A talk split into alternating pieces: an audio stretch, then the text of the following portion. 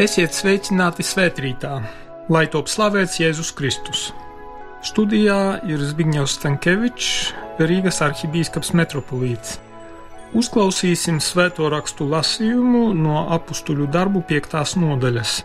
Tajās dienās virspriesteris apstuļiem jautāja sacīdams: Vai tad mēs jums stingri neaizliedzām mācīt Jēzus vārdā? Bet jūs, lūk, piepildījāt Jeruzalemē ar savu mācību un gribat novirzīt uz mums šī cilvēka asinis. Bet Pēteris un apstuļi atbildot sacīja: Dievam jāklausa vairāk nekā cilvēkiem. Mūsu tēvu dievs uzmodināja Jēzu, kuru jūs nonāvējāt, piesitot krusta kokā. Dievs viņu paaugstināja ar savu labo roku par valdnieku un pestītāju lai Izrēlim dotu atgriešanos un grēku piedošanu. Un mēs esam liecinieki šiem vārdiem, kā arī svētais gars, ko Dievs deva tiem, kas viņam paklausa. Bet tie aizliedz apstuļiem runāt Jēzus vārdā. Pēc tam tie viņus atlaida. Bet viņi no augstās padomes aizgāja priecādamies, jo bija atzīti par cienīgiem Jēzus vārda dēļ ciest negodu. Darbie radio klausītāji, šis ir Svētdienas pirmais liturgiskais lasījums. Tas ir garāka fragmenta sastāvdaļa, un tātad situācija ir sekojoša. Pirms kāda laiciņa jau virspriesteris un viņam pietuvinātie, tātad Sinedrīs, bija aizlieguši mācīt apustuļiem templī jo apstuļi bija izdziedinājuši klibo kopš dzimšanas, un tauta bija, nu, varētu tā teikt, sajūsmā, un e, viņus klausījās, redzēdami, kā Dievs caur viņiem darbojas, un tā tad dara lielas zīmes. Un e, tā bija laba iespēja apstuļiem pastāstīt par Jēzu, par to, kas viņš bija, kas ar viņu notika, ka viņš tika nonāvēts, un ka viņš ir dzīvs, viņš ir augšām cēlies, un ka ticībā viņam var saņemt grēku piedošanu un var pilnīgi uzsākt jaunu dzīvi un, kā saka, atklāt jaunus apvāršņus.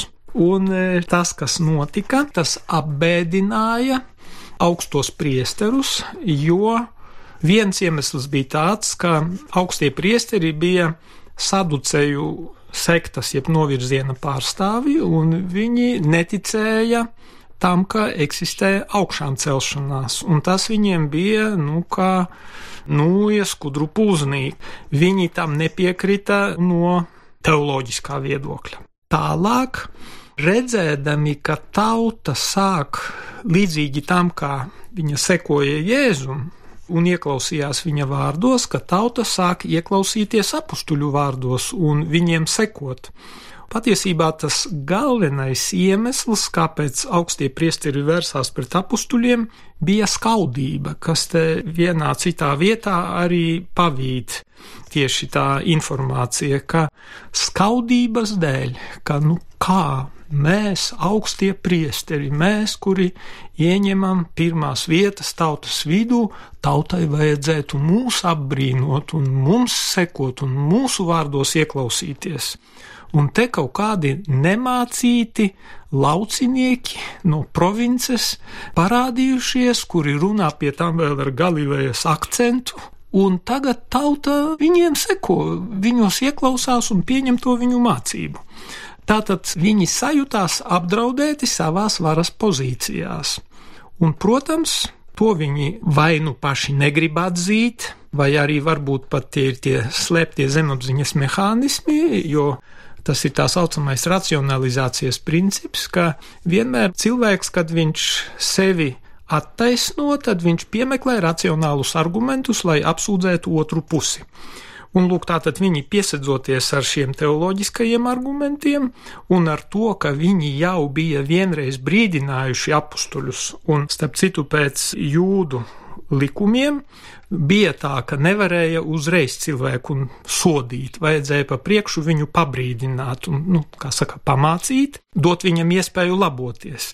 Nu, un tā kā apstuļi jau bija izrādījuši nepaklausību, nu tad šiem augstpriesteriem un sinedriem, jeb augstajai padomēji jūdu, viņi jau bija arī nikni. Tur arī pavīja tekstā, ka viņi bija dusmīgi. Sākumā tur bija, ka viņi jutās sarūktināti, bet tālāk viņi jau kļuva dusmīgi, ka nu kā mums autoritātēm nepaklausa vai ne, nepilda mūsu pavēles. Un līdzīgi kā pirmās nopratināšanas laikā, Pēteris atbild, ka Dievam ir jāklausa vairāk nekā cilvēkiem. Tajā pirmajā reizē viņš saka, kam mums klausīt, vai dievam vai jums. Un e, izrādās, ka pat ir teksta versijas kaut kur ir atrastas, kur Pēteris pat uzdot jautājumu augstajam priesterim, kam vajag klausīt vairāk dievam vai cilvēkiem, un ka augstais priesteris atbild, ka dievam vairāk jāklausa. Un tad Pēteris uzreiz to izmanto, nu, kā saka, pavērš pret viņu un saka, nu jā, bet šis ir tas gadījums. Nu, tātad mācekļi tiek apsūdzēti, un Pēteris atkal izmanto šo situāciju, lai apliecinātu savu ticību. Pirmkārt, viņš atkārto to, ka cilvēciskās pavēles, ja tās ir pretrunā ar patiesību, ja tās ir pretrunā ar dievišķo patiesību, ja tās nodara kaitējumu, ja tas vēršas pret cilvēka sabiedrības kopējo labumu, tad tādas pavēles nav jāpilda. Un tad viņš tūlīt izmanto šo iespēju, lai pavēstītu tā saucamo karigmu, respektīvi, lai pavēstītu ļoti īsā kodolīgā veidā pašu būtiskāko apstuļu sludinātajā evaņģēlijā. Tātad, ka Dievs ir augšām cēlis, jeb viņš te saka, pārtulkots ir uzmodināja Jēzu, kuru jūs nonāvējāt. Jo starp citu, tas arī ļoti aizskāra augstos priesterus, jo tie jau bija tie paši. Tas bija Annas un Kaifas un tie visi viņu dzimtas locekļi, kas bija augstākās priesterības jūdu aristokrātija, nu kuri vienlaicīgi bija arī valdnieki. Viņi bija vietējā izpildvara. Viņi bija tie, kuri notiesāja Jēzu uz nāvi, un apustulis Pēteris uz to arī norāda. Viņi ne jau personīgi nonāvēja, bet viņi pieņēma šo lēmumu un viņi nomanipulēja ar tautu tā, lai tauta kliedz, ka vajag barabu atlaist to noziedznieku, bet Jēzu vajag nonāvēt. Un tātad viņš pasaka, ka jūs esat tie vainīgi Jēzus nāvē, bet Dievs parādīja, kam ir taisnība, jo Dievs uzmodināja Jēzu. Jēzus ir augšām cēlies. Tas nozīmē, tas ir pierādījums tam, tas jau dieva pierādījums, kā saka, jo dieva spēks ir tas, kas uzcēlis Jēzu no miroņiem, ka Jēzum bija taisnība, ka jums nebija taisnība, jūs kļūdījāties, jūs patiesībā gājāt pret Dievu. Un tālāk Pēteris saka, Dievs viņu paaugstināja ar savu labo roku par valdnieku un pestītāju. Tas nozīmē, ka viņš ir būtībā līdzīgs ar tēvu, vienlīdzīgs dievam tēvam, un ka viņam ir vara noslēpumainā veidā jau pār visu pasauli, bet šo varu viņš pagaidām nemanifestē pilnā mērā. Viņš šo varu manifestē caur apstuļiem, viņš ir viņus pilnvarojis sludināt evaņģēliju un caur viņiem dara zīmes. Bet vēl kas te ir ļoti būtisks, šis vārds, ka viņš ir paaugstinājis par arī pestītāju, lai Izrēlim dotu atgriešanos un grēku piedošanu. Tas nozīmē, ka Jēzus, viņš ne tikai vienkārši ir augšām cēlies. Viena evaņģēlija noslēgumā ir pateikts, Lūkas esmu ar jums ikdienas līdz pasaules galam, ka viņš ir neredzamā veidā klātesošs, un tas, ko apstuļi ar tādu pilnu pārliecību uzsver, ka ticībā viņa vārdam, ticībā viņam mums tiek dota grēku piedošana. Kādā veidā? Te ir tāds noslēpumains mehānisms, ir tāda realitāte, ka tad, ja es atzīstu, ka mani grēki arī ir bijuši viņa nāves iemesls, ja es atzīstu to manis izdarīto ļaunumu manas dzīves laikā, ja es to nožēloju, vēlos no tā atbrīvoties un nonākt līdz tam, lai tas pār mani nevalda, tad man ir šī iespēja Bet šī iespēja nevis tādā veidā, ka tagad es pieņemu lēmumu, ka es tagad būšu, nezinu, svēts un nevienam nedarīšu pāri, dzīvošu ideālu dzīvi. Nē, kristietība saka, tas ir lama, tas cilvēks nav spējīgs saviem spēkiem to izdarīt, bet tad, ja es griežos pie Jēzus, kurš ir augšām cēlies, kurš ir klātesošs katrā laikā un vietā un ir pieejams caur ticību, un es viņam saku, Lūdzu, tu palīdzi man tikt ārā no maniem grēkiem. Es ticu, ka tu ar savu krusta nāvi esi paņēmis mana grēka sekas, mana grēka spēku, ka tu esi kā izrāvis viņam sakni, pretindi, ziniet, tā kā, čūska iekoš cilvēkam, ir vajadzīgs pretindes serums, kurā cilvēks, nu, zibenīgi var teikt, dažu tur minūšu vai desmitu minūšu laikā nesaņem to pretindi, viņš nomirst. Līdzīgi ir ar grēku. Kad cilvēks dara grēku, tas saindē viņa iekšieni. Bieži vien tas notiek arī fiziski, jo, piemēram, nu, alkoholiķis, narkomāns vai, teiksim, tas sēda arī viņa organismu un sagrauj, bet citi grēki darbojas citos līmeņos, bet viņi sagrauj cilvēku iekšēji. Un augšām celtais var kā atbruņot, viņš ir kā ticība viņam, pieslēdz mūs pie šī pretindes seruma. Viņš tiek ievadīts mūsu iekšienē, mūsu garīgajā organismā, mūsu dvēselē un sāk laupīt spēku tai indei, kas mūsos ir iekšā, un tātad viņā mums ir šī grēku piedošana un jauna dzīvība. Un Pēteris turpina, ka mēs esam liecinieki šiem vārdiem, ka tie nav tukši vārdi, tās nav pasakas, tās nav ilūzijas, jo viņš norāda uz konkrētajām zīmēm. Nu, tās ir tās izdziedināšanas, tās ir tās zīmes, ko Dievs ar viņiem dara, ka tur ir reāls spēks, ka tā tad tas darbojas, tās nav pasakas, tas nav izdomājums. Un viņš saka, mēs esam liecinieki šiem vārdiem, kā arī svētais gars ko Dievs deva tiem, kas viņam paklausa. Un tas svētais gars, tā ir tā gara darbība, kas notika ap apstuļiem viņu sprediķošanas laikā un viņu aizlūgumu par cilvēkiem laikā. Un interesanti šeit tā piebilde, ka Dievs deva tiem, kas viņam paklausa. Jo arī Jēzus savas dzīves laikā viņš bija solījis, ka es jums došu garu iepriecinātāju, kurš paskaidros jums visu, ko es esmu teicis. Tātad, kurš atgādinās to, ko es esmu teicis, un paskaidros, atvērs jums gara acis uz šo vārdu nozīmi, ko es esmu teicis. Un viņš arī apstuļiem sola, ka jūs tiksiet kristīti ar svēto garu un uguni. Tātad viņš ir apsolījis svēto garu, bet ir nosacījums, lai viņu varētu saņemt. Tātad viņš tiek dots tiem, kas viņam paklausa. Tas nozīmē, kuri ņem par pilnu Jēzus vārdus, kuri vēlas atgriezties no grēkiem. Jo tad, ja šis svētā gara spēks tiktu dots grēciniekam, kurš ir sava egoisma vadīts, tad viņš šo spēku pielietotu, lai apmierinātu savas iekāres, lai apmierinātu savas ambīcijas, un viņš nodarītu milzīgu kaitējumu apkārtējiem cilvēkiem un visai sabiedrībai.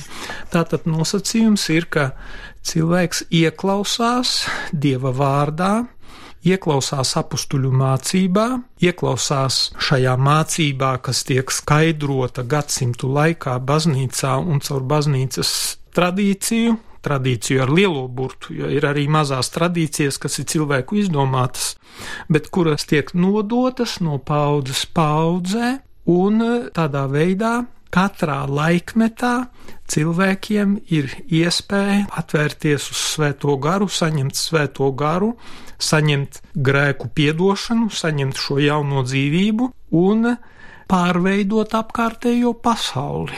Jo tā kā Jēzus atnāca un viņš sludināja dieva valstību, dieva valstības atnākšanu. Un baznīcas uzdevums, kas tātad aizsākās jau ar apstuļiem, Baznīcas galvenais uzdevums ir turpināt, sludināt un izplatīt šo dieva valstību pasaulē.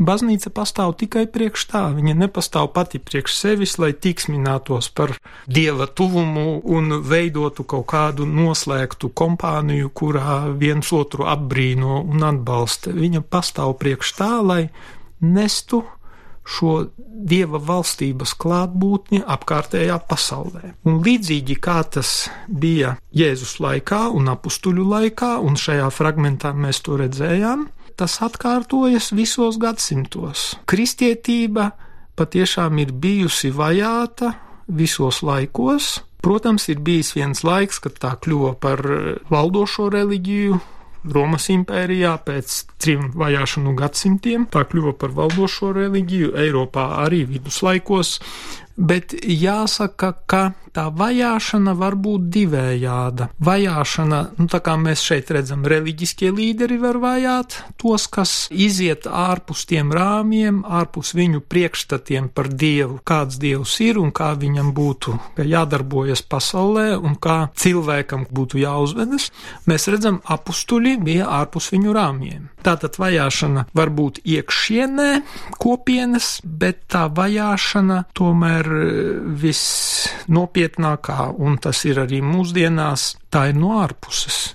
Šajā 21. gadsimtā kristietība ir visvairāk vajātā reliģija pasaulē.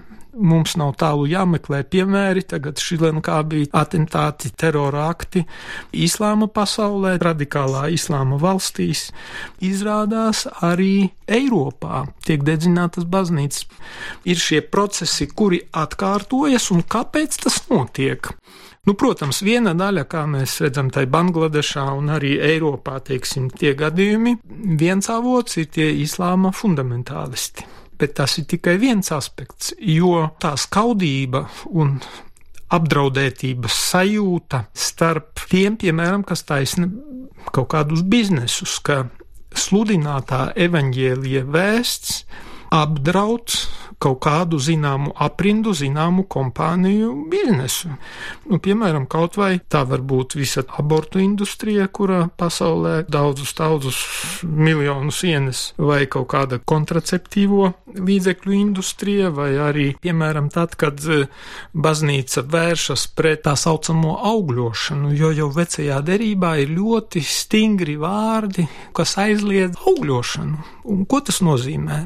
Tas nozīmē ņemt augstus procentus, iedzīvoties uz otra cilvēka nelaimes rēķina. Un, protams, pietiek kādu vārdu pateikt par kaut vai tiem pašiem ātriem kredītiem, vai pateikt kādu vārdu par dažādiem tur spēļu automātiem vai kazino, nu tūlīt tās aprindas, kuriem tur ir daļas tajos uzņēmumos, nu, sarosās viņu biznesiņš ir apdraudēts, nu, vajag apklusināt tos, kuri neļauj brīvi pelnīt uz tā rēķina, vai arī, piemēram, politiskās intereses, jo ja kāda partija, kurai tā ideoloģiskā platforma nesakrīt ar evaņģēlija principiem, un tagad, ja baznīca izsakās par to, ka tas nav labi un lai ticīgie neatbalsta tādas ideoloģiskās nostādnes, nu tad tūlīt atskan kā tā, baznīca jaucas politikā, valsts ir atdalīta no baznīcas un bīskapiem vai priesteriem vai arī ticīgajiem nav tiesību vispār runāt par to.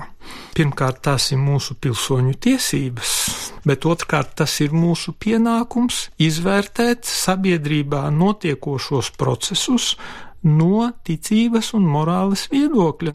Evanģēlija gaismā, jo evanģēlijas simtprocentīgi atbilst cilvēka dabai, un tajā ieliktie principi viņi veicina cilvēka un visas sabiedrības pilnvērtīgu, harmonisku attīstību. Un katra baznīcas locekļa pienākums ir pasludināt šo evaņģēlīja patiesību. Evaņģēlījis kā tāds, tā ir Dieva atklātā patiesība, kura 2000 gadu laikā tiek apstiprināta ar līdzējošām zīmēm, un tādi personāži kā, piemēram, Māte Terēze no Kalkutas, vai Jānis Pāvils II, vai, piemēram, Maksimiliāns Marija Kolbe, kurš Aušvicas nāves nometnē pieteicās nomirt piecu bērnu tēva vietā, kurš bija nolemts nāvei. Tādi personāži caur viņiem manifestējas līdzīgi kā šeit aprakstītajā fragmentā manifestējas Dieva spēks. Tā ir svētā gara liecība, tā ir Dieva klātbūtnes, Dieva spēka manifestācija, kura apstiprina vārdu patiesību. Un tāpēc, darbie radio klausītāji, es aicinu patiešām atvērties uz šo vārdu, tajā iedziļināties, to pieņemt savā sirdīs un ar to dzīvot.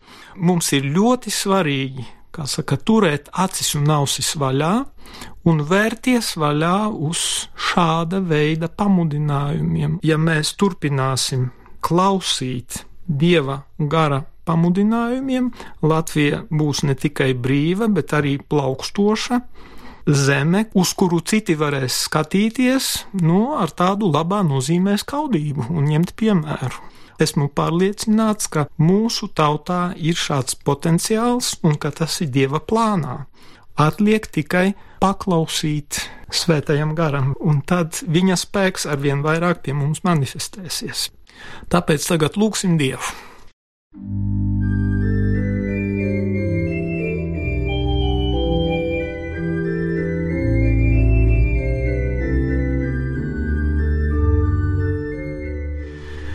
Kungs, Dievs, mēs te pateicamies par šo vārdu, kuru tu mums šodien esi devis.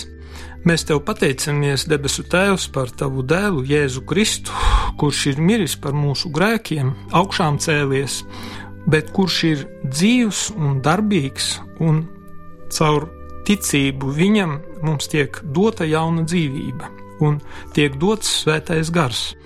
Mēs lūdzam tevi, Kungs, Dievs, dāvā mums svēto garu dāvā mūsu sirdīm un prātiem atvērtību uz tava gara darbību un dod mums arī paklausības garu, dod mums šo atpazīšanas garu, lai mēs spējam atpazīt sirēnu balsis no tava gara dvēsmas, lai mēs neļaujamies kaut kādām ideoloģiskām vēsmām, kaut kādiem strāvojumiem, kas mums piedāvā leiputriju vai arī lētu laimi šeit zemes virsū, Palīdzi mums, kungs, iet pa taisnu ceļu, kas ved uz tavas valstības pilnību mūsu dzīvē un arī mūsu valstī, cik vien tas ir iespējams. Mēs lūdzam, sūti savu garu mūsu sirdīs, sūti savu garu pār Latviju un atjauno mūsu zemes vaigu.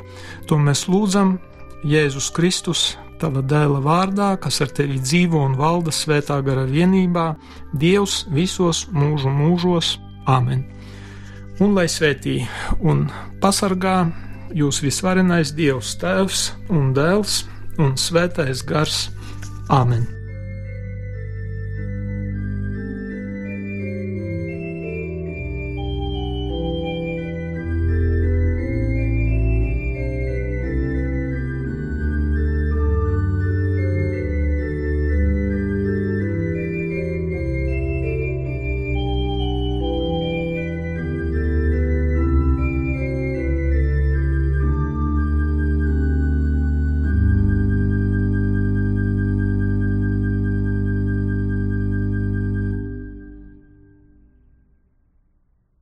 Svētrītā kopā ar jums bija Zbigņevs Stankevičs, Rīgas arhibīskaps metropolīts.